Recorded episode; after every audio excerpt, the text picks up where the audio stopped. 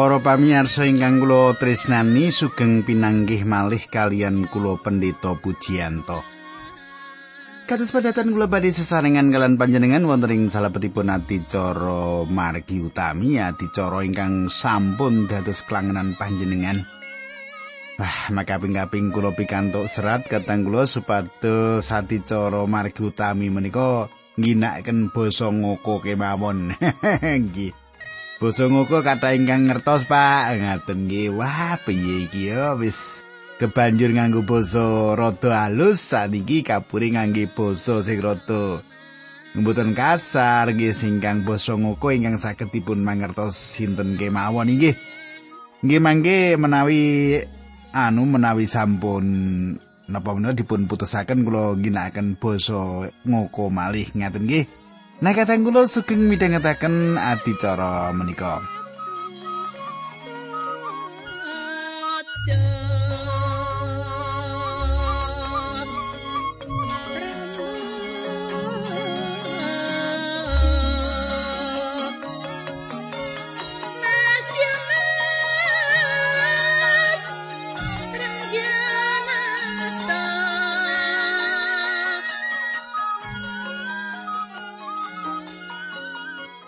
Para pamirsa menapa panjenengan tasih kemutan menapa ingkang kula aturaken duk nalika pepanggihan kepengker wonten ing pepanggihan kepengker kita sampun nyemak Gusti Allah paring janji tigang perkawis dumateng bangsa Israel. Nggih menika janji menika dipun paringaken menawi bangsa menika purun mertobat dumateng panjenenganipun. Nggih. Lan menawi bangsa Israel saged mertobat Pramila panjenenganipun badhe mirengaken donganipun, badhe ngapunten dosa-dosanipun, ugi badhe mulihaken kahananipun. Nah, kita badhe lajengaken kadang kula awis saking menika monggo kita tumungkul lan ndedonga langkung rumiyin. Duh Kanjeng Rama ingkang kawula sembah rinten kalian dalu wonten ing asmanipun Gusti kawula Yesus Kristus, kawula ngaturaken gunging panuwun. Menawi wekdal menika kawula saged tetunggilan kalian sedherek kawula malih lan kawula nyuwun paduka berkahi adicara menika kanthi mekaten adicara menika saged dados pembangunan imanipun para pamirsa menika. Minambaran asmanipun Gusti kawula Yesus Kristus kawula ndedonga haleluya amin.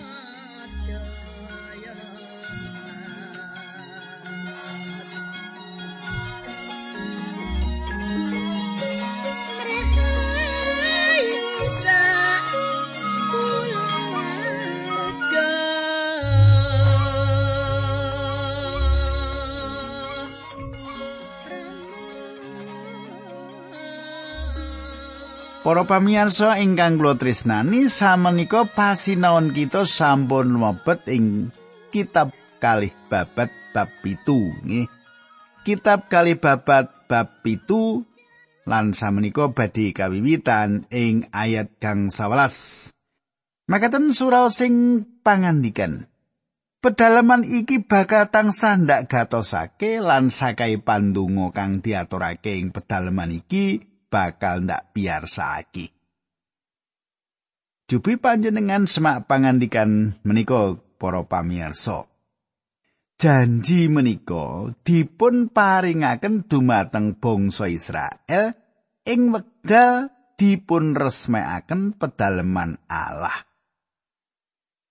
Sinoso wonten trap-trapan kangge kita, kita langkung saya mbikak perjanjian inggalan manggihaken janji-janji Allah ingkang dipun cawisaken kangge kita. Dados menawi kita menika pados janjine Allah dumateng kita menika gampil mbikak mawon perjanjian inggal. Wonten mriku kathah sanget janjinipun Gusti dumateng kita. Ning nek panjenengan ora tau maca kitab kangge susah menika nggih ora ngerti janjine Gusti Allah ki apa. Mulane nek katempuh napa-napa lajeng stres. Nggih, awit napa? Awit ora ngerti janjine Gusti Allah marang aku ki apa. Nggih, mula panjenengan ketah asring maos pangandikanipun Gusti menika. Nggih, samenika kita lajengaken ayat 16. Kuwi mau kabeh mergo papan iki wis ndak pilih lan ndak sucake dadi papan pangibadah marang aku ing salawas-lawase Mulane papan pangibadah iki bakal tansah ndak gatosake lan ndak reksa. Para pamirsa, ayat menika panjenengan tingali papan menika satunggalipun papan ingkang dados keparingipun Gusti Allah. Wis dipilih karo Gusti Allah. Wis ditemtokake karo Gusti Allah. Dadi ora sakarepe dhewe ngaten nggih. Nah, ayat pitulas lan 18. Yen kowe kaya bapakmu Daud nglakoni dawuh-dawuhku lan nindakake sakai perkara mau, aku bakal netepi janjiku marang bapakmu Daud ya kuwi selawase bakal anak turune sing dadi raja ing Israel. Para pamirsa. Gusti Allah sampun janji bilih saking garis turunipun Daud badhe tansah wonten ingkang dados panguwaos. Mboten wonten panguwas ing bumi menika ingkang ngakeni bilih piyambakipun menika tedhak turunipun Daud. Nanging panjenenganipun ingkang lenggah wonten ing sisih kananipun Gusti Allah. Wonten ing salebetipun garis turunipun Daud. Cetha menangih. Cetha nggih dados Gusti Yesus menika kalebet garis turunipun Daud mekaten nggih. Kula lajengaken ayat 19 20 selikur nggih. Nanging yen kowe lan rakyatmu nglanggar dawuh-dawuhku sarta nyembah marang Braholo. Aku bakal nundung kowe kabeh saka tanah sing diparingake marang kowe, omah sing wis ndak pilih dadi papan pamujan marang aku iki yo bakal ndak tinggal. Wong Israel sak paran-paran bakal dicacat lan dipoyoki dening para bangsa.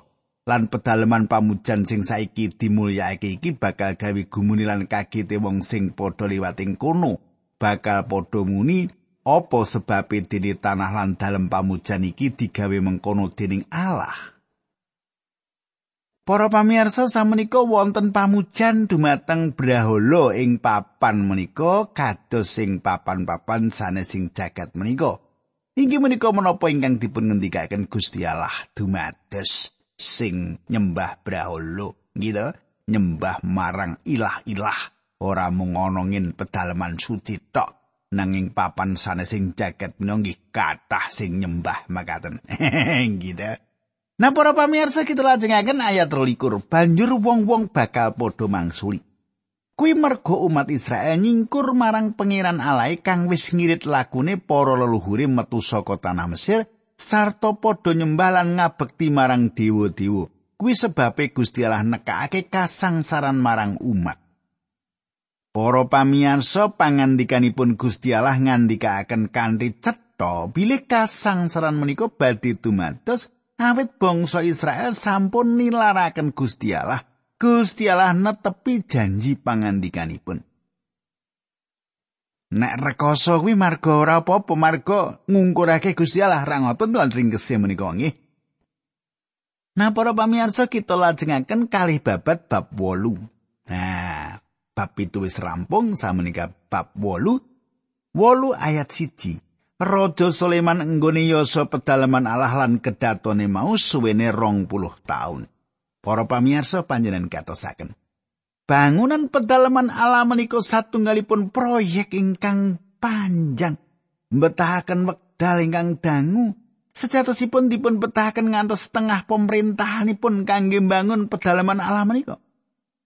Pembangunan menika satunggalipun perkawis ingkang dados catetan Gusti Allah ingkang mligi dipun serat dening Gusti Allah. Ayat kali lan tiga kutha-kutha sing diparingake dening Raja Hiram marang Sulaiman dibangun meneh. Wong Israel padha didawi manggon ing kono. Sulaiman nelokake daerah Hamat lan Soba.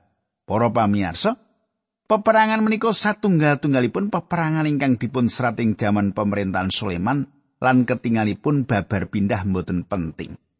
Ayat songo Wong Israel dhewe ora didadekke batur tukon nanging tugase dadi prajurit perwira kumendan kereta perang lan prajurit jaranan. Para pamirsa, Soleman mapanaken rakyatipun piyambak supados dados prajurit kabawah kepemimpinanipun sawetawis tugas-tugasane sampun dipun paringaken para turunipun tiang kanaan ingkang gadah tanah saderengipun ingkang bangsa kanan menika dereng dipun sirnakaken. Ayat 12. ana pegawe 250 sing dipasrai tanggung jawab ngawasi wong-wong sing nglakoni kerja peksaning proyek-proyek pembangunan werna-werna. Panjenengan katasaken inggih menika satunggalipun perkawis ingkang dipun tindakaken Sulaiman ingkang nuwuhaken kangilan ageng ing wekdal salajengipun. Gusti Allah nyerat menapa ingkang dipun tindakaken Sulaiman menika nanging Gusti mboten ngalembono utawi berkahi menapa ingkang dipun tindakaken. Ayat 11. Garwane Raja Sulaiman putra putrine Raja Mesir dipindah saka kutane Daud menyang dalem sing diyasa kanggo garwane mau. sebab Raja Sulaiman ngendika garwaku ora kena manggon ning kedatone Daud Raja Israel sebab kabeh bangunan sing tau dinggo ndokake petining perjanjian kuwi suci. Para pamirsa, putusan menika satunggalipun putusan kegayutan kan semahipun ingkang tedak turunipun prengon menika satunggalipun putusan ingkang perlu dipun gatosaken. Sulaiman bangun kedaton ingkang tebih saking kita Daud kula gatosaken bilih salah setunggal tafsiran ingkang sumebar ing Israel wekdal menika inggih menika bilih Soleman sesemaan kalian tiang setri ingkang benten bangsa kangge kepentingan politik. Dados menapa ingkang dipun tindakaken menika salah setunggal sebab ingkang ndatengaken katenterman kangge negarinipun.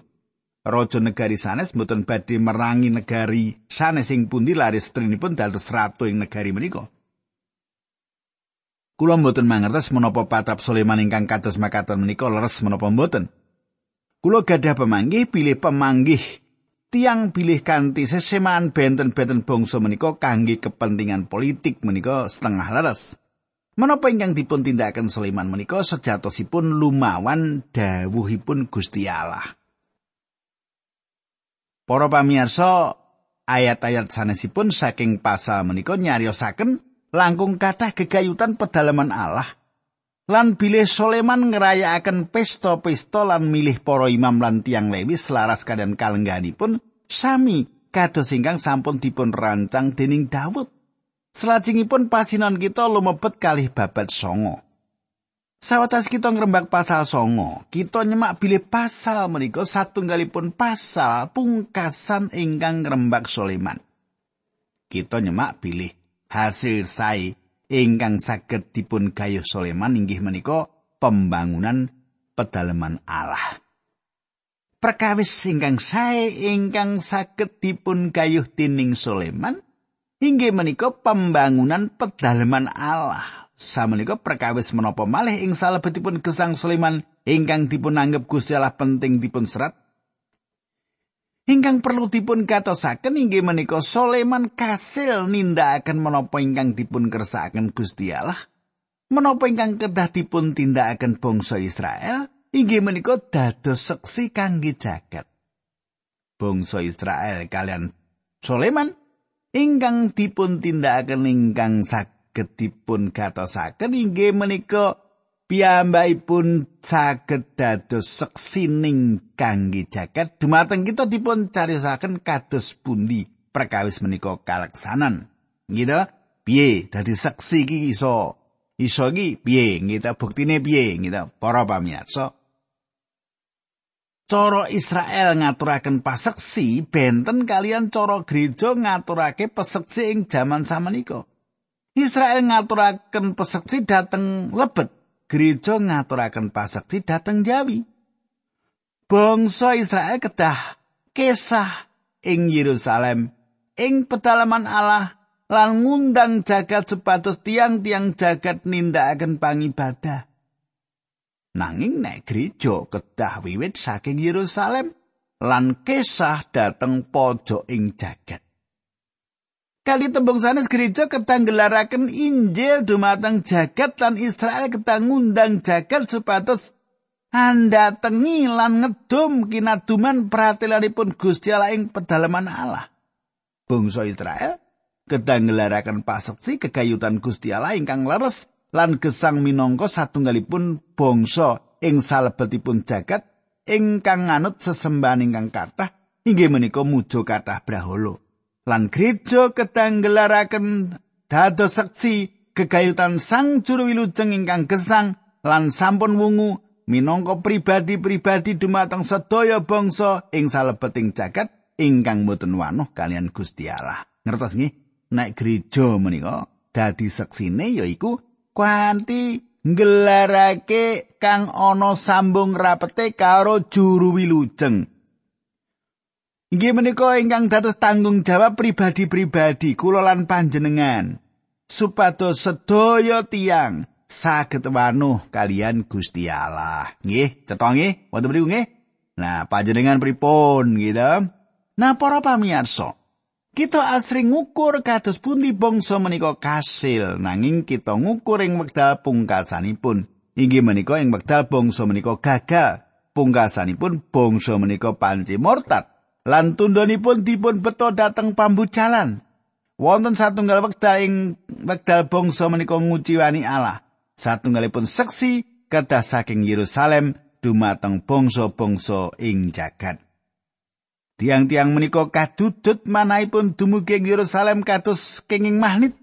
Ing pemerintahan Sulaiman wonten kemajengan ingkang ngedap-edapi.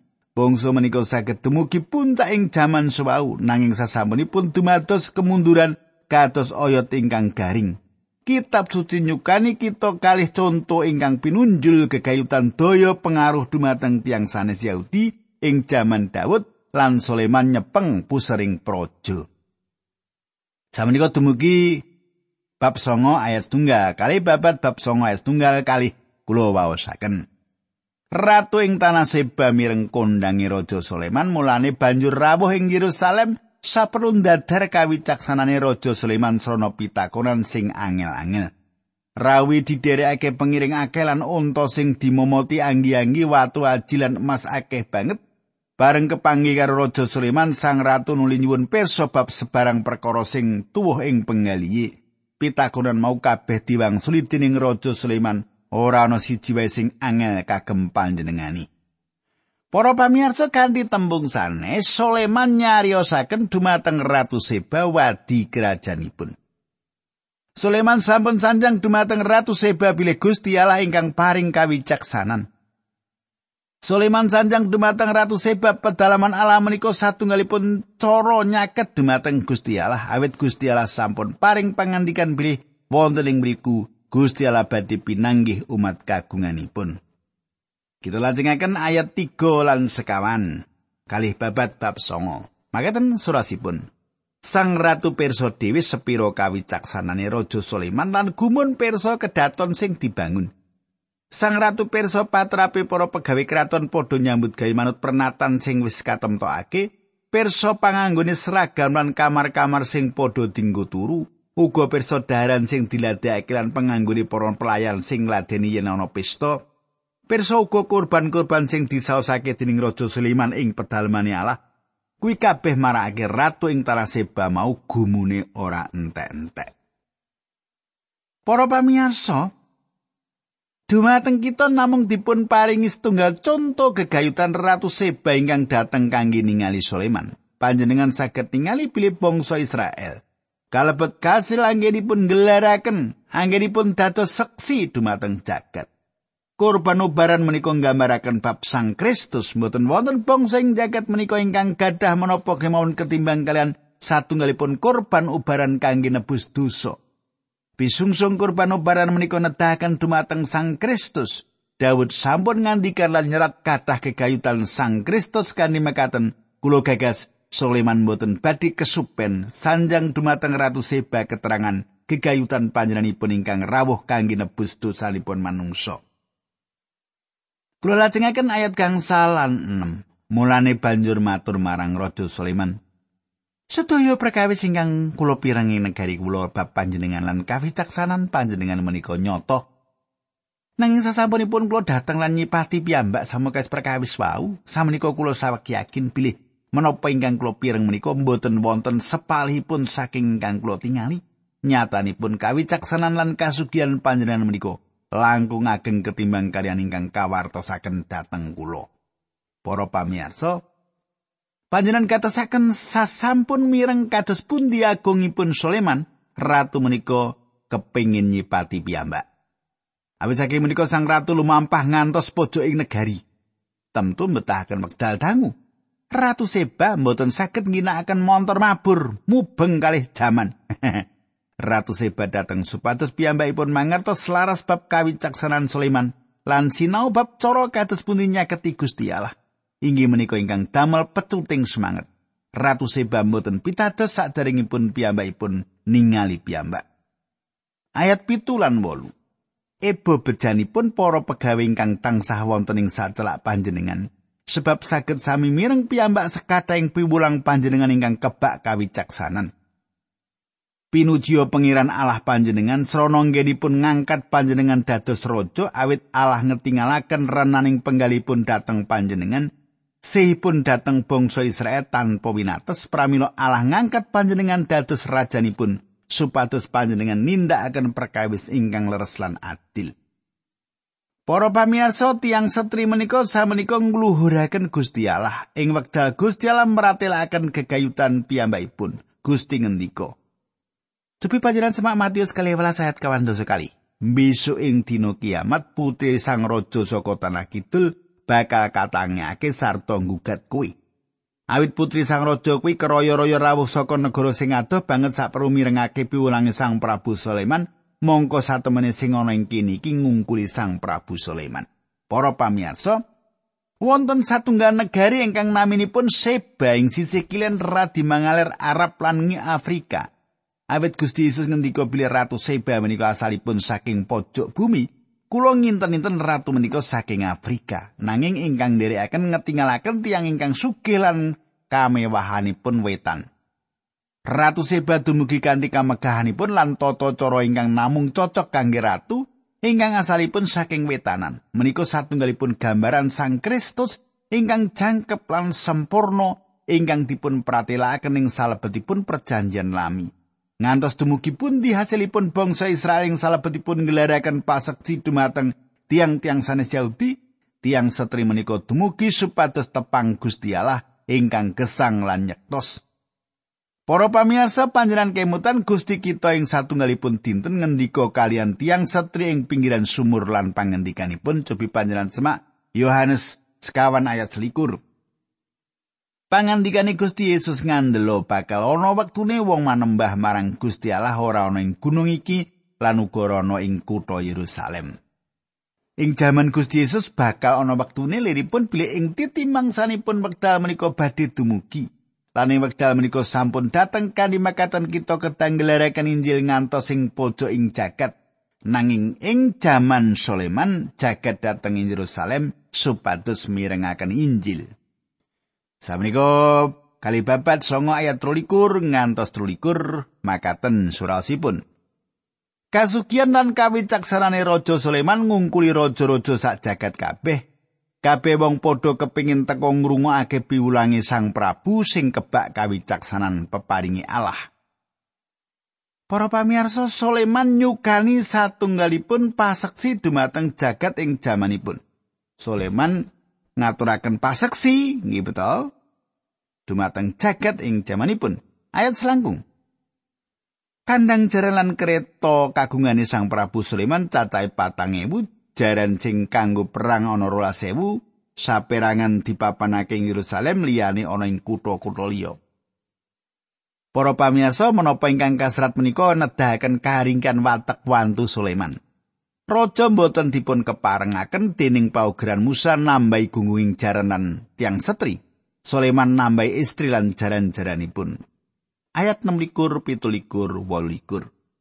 Sang Prabu Sulaiman bawake raja-raja kabeh sing ana ing wilayah antarane Bengawan Efrat tekan tanah Filistia lan tapel watesi tanah Mesir.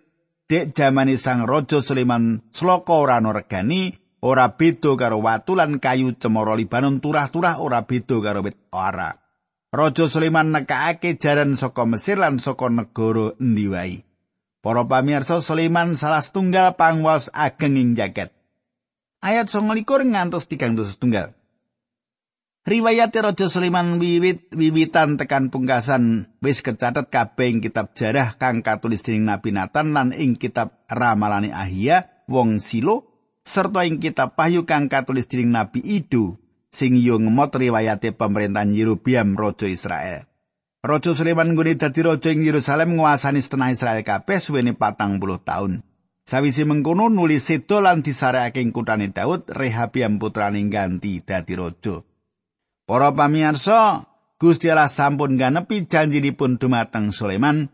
Gusti paring ganjaran dumateng Sulaiman kawicaksanan ingkang ngidapi-dapi selaras ingkang dipun suwun lan kajahi menika Gusti maringi kasugian lan pikurmatan. Para pamirsa kula cekapi semanten monggo kita tumungkul kita ndedonga. Duh Kanjeng Rama ing swarga kawula ngaturaken gunging panuwun menawi wekdal menika kawula saged tetunggilan kalian sedherek kawula ingkang setya tuhu midhangetaken adicara menika. Kawula nyuwun berkah paduka Gusti menapa ingkang sampun abdi paduka ndherekaken menika saged berkahi sedherek kawula linambaran asmanipun Gusti Yesus Kristus. Kawula ndedonga. Haleluya. Amin